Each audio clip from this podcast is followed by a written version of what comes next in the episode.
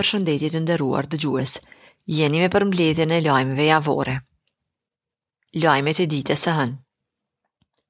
Ish-eprori i Ushtrisë Çlirimtare të Kosovës, Salih Mustafa, është paraqitur para Gjykatës Speciale në seancën e tretë statusore.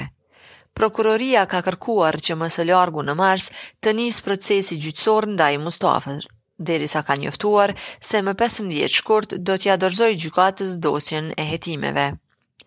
Kjo seancë është mbyllur për publikun pasi në fjalën e tij avokati i Mustafës ka thënë se mund të përdorë emra pasi do t'i shqyrtojë materialet e pranuara.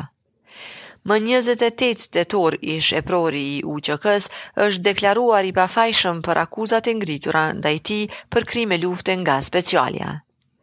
Ndërkaq më 23 nëntor, gjykata ka vendosur që Mustafës t'i vazhdohet paraburgimi, ish-komandanti i UÇK-së Salih Mustafa është i arrestuari i parë i Speciales. Ai është arrestuar në shtëpinë e tij më 24 shtator. Gjykata Speciale ka konfirmuar aktakuzat ndaj kryetarit të OVL-së, Hysni Gucati dhe ndaj nënkryetarit të kësaj organizate, Nasim Haradinaj. Konfirmimin e aktakuzave e ka njoftuar Gjykata Speciale.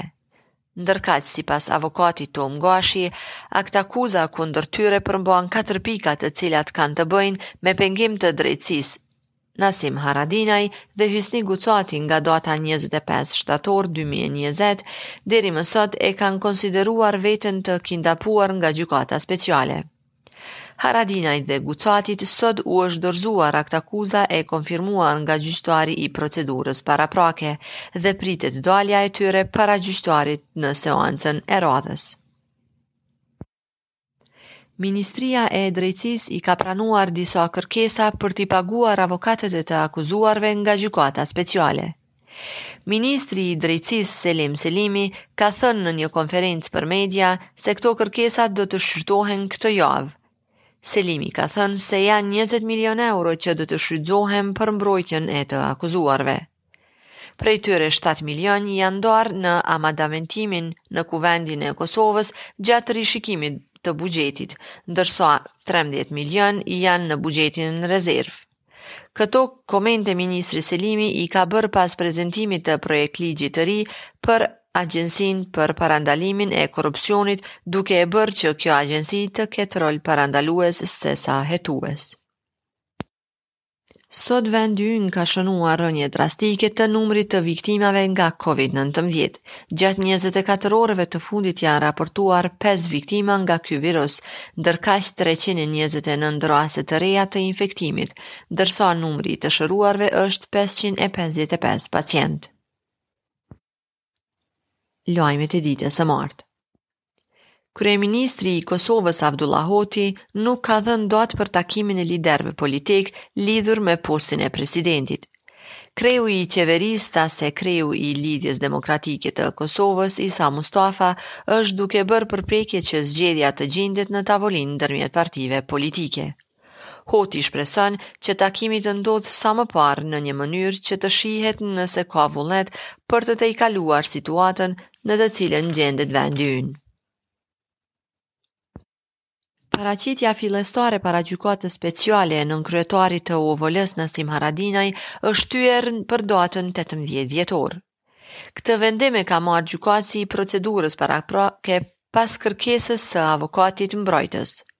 Në vendim thuhet se mbrojtja ka kërkuar më shumë kohë për ta diskutuar aktakuzën me Haradinajn në mënyrë që të përgatitet për seancë fillestare.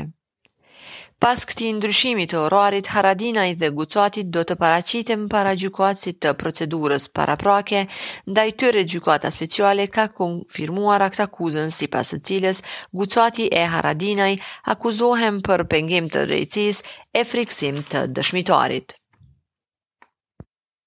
17 persona kanë vdekur nga COVID-19 gjatë 24 orëve të fundit. Sipas raportit të IKSHPK-së, janë konfirmuar edhe 294 raste të reja të infektuara, ndërsa janë shëruar 482 pacientë. Lajmet e ditës së mërkurë. Kreu i Qeverisë Avdullah Hoti ka bërë thirrje që të mblidhen liderët e partive politike në një tryezë për të diskutuar propozimet e secilës parti për krizën politike rreth postit të presidentit. Hoti ka thënë se nëse nuk ka një vullnet të tillë, duhet të ulen e të bisedojnë për datën e zgjedhjeve. Pas një takimi me përfaqësuesit e bizneseve, kryeministri i vendit Avdullah Hoti në një konferencë për media tha se kanë diskutuar rreth ligjit për rimëkëmbje.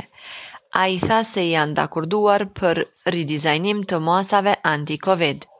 Pika kryesore ka të bëjë me këto masa, ndërkaq janë dakorduar edhe për një pako të re për rimëkëmbjen ekonomike dhe për të finalizuar masat për një pako të tretë fiskale, që do të bëhet në janar.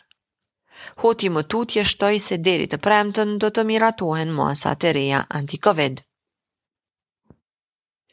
Prokuroria Themelore në Prizren ka dhënë detaje rreth rastit tragjik i cili ndodhi mbrëmjen e së martës në Prizren. Sipas njoftimit për media, thuhet se viktimat janë babë e bijë dhe se në vendin e ngjarjes është gjetur arma e zjarrit e cila dyshohet se është arma zyrtare e policisë së Kosovës.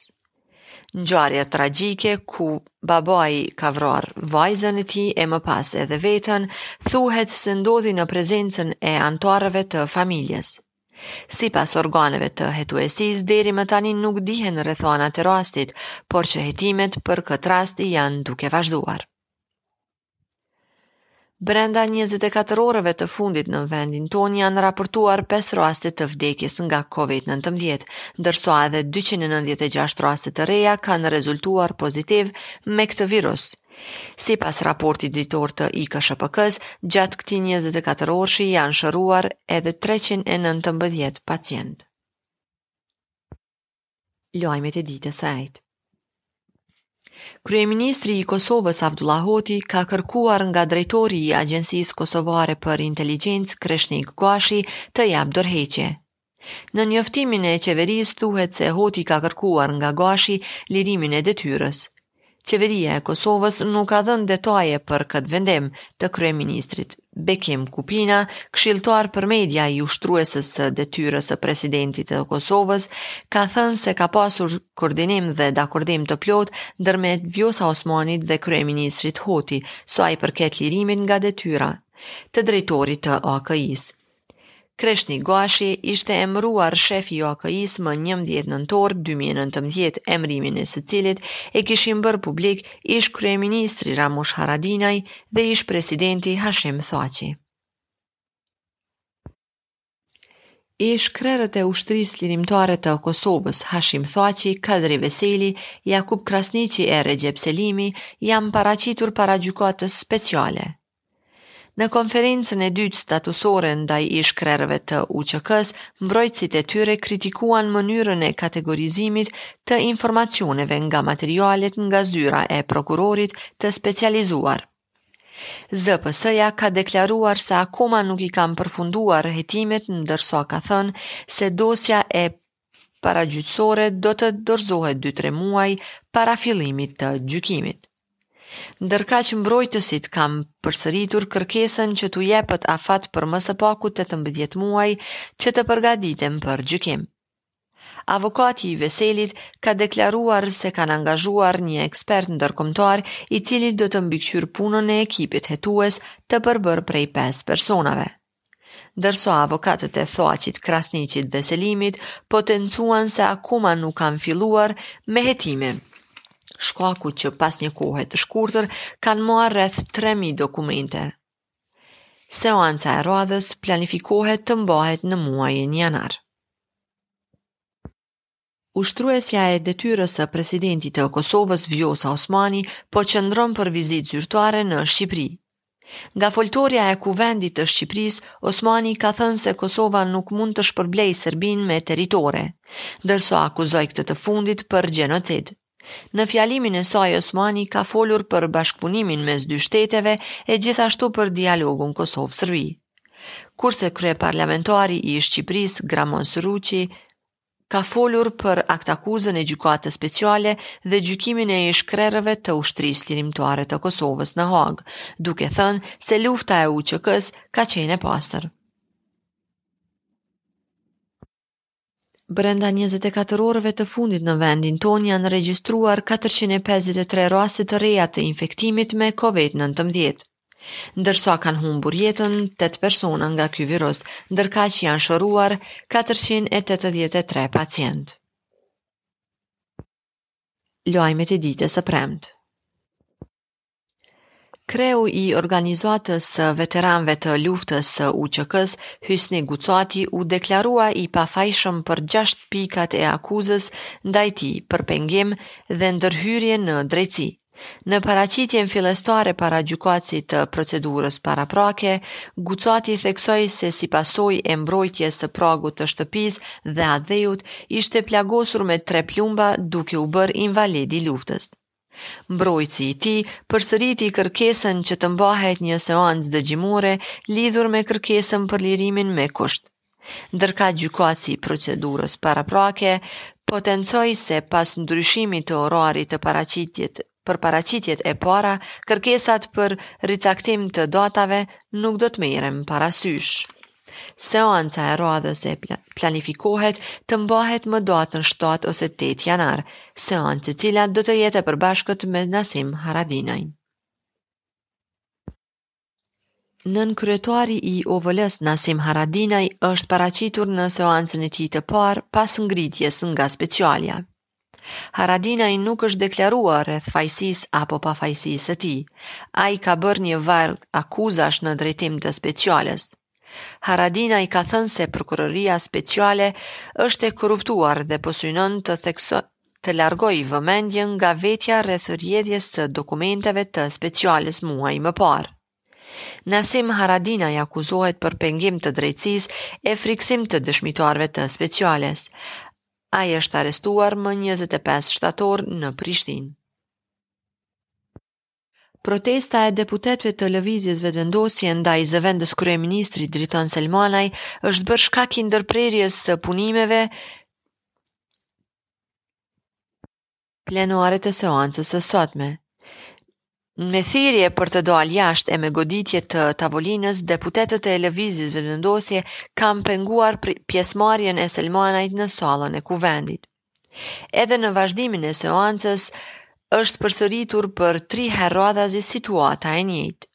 Nënkryetarja e kuvendit Arbërie Nagavci ka mbyllur punimet e kuvendit dhe për vazhdimin të seancës do të mbahet pas vendimit të kryesisë së kuvendit.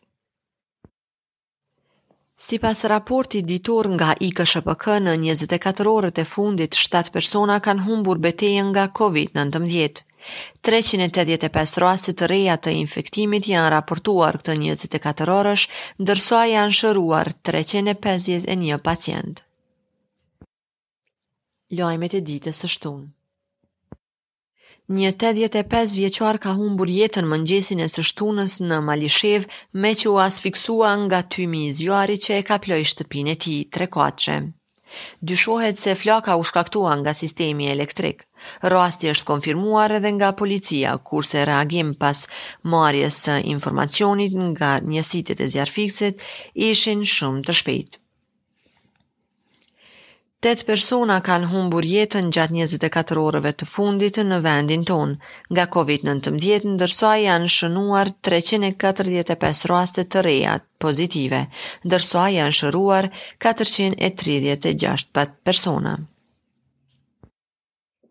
E pavarësisht gjendjes pandemike, gjithandej festat e fundvitit kanë rindezur dyndjen e mërgimtarëve. Kështu sot erdhën në mijëra qytetarë të tillë në Kosovë. Vetëm gjatë të shtunës në aeroportin ndërkombëtar Adem Jashari u realizuan 41 fluturime ku mbi 6000 mërgimtarë hynë në Kosovë. derisa shumë mërgimtarë erdhën edhe përmes pikave kufitare ku edhe këtë sezon pritjet janë të gjata në pikat kufitare në hyrje të Kosovës. Lajmet e ditës së diel. Ministria e Punëve të Jashtme dhe ajo e Shëndetësisë kanë njoftuar se qytetarët të cilët kanë marrë rrugën për Kosovë për të kaluar pushimet nuk kanë nevojë t'i nënshtrohen testit PCR dhe Me këtë nuk do t'i nënshtrohen kurrfarë karantine apo izolimi 14 ditor. Përjashtim në këtë vendim bëjnë pjesë ata persona që nuk kanë vendbanim në Kosovë dhe të cilët vijnë nga vendet e klasifikuara me rrezik më të lartë. Gjatë 24 orëve të fundit në vendin tonë kanë humbur jetën 8 persona nga COVID-19, ndërsa edhe 223 raste janë kanë rezultuar pozitiv, ndërsa janë shëruar edhe 342 pacientë. Mirëpo gjendja e pacientëve vazhdon të mbetet e rëndë, derisa po kërkohet nga mjekët që të mos përdorin ilaçin remdesivir për trajtimin e pacientëve me COVID-19, pasi OBSH-ja e hoqi nga lista e përdorimit këtë lloj të ilaçit.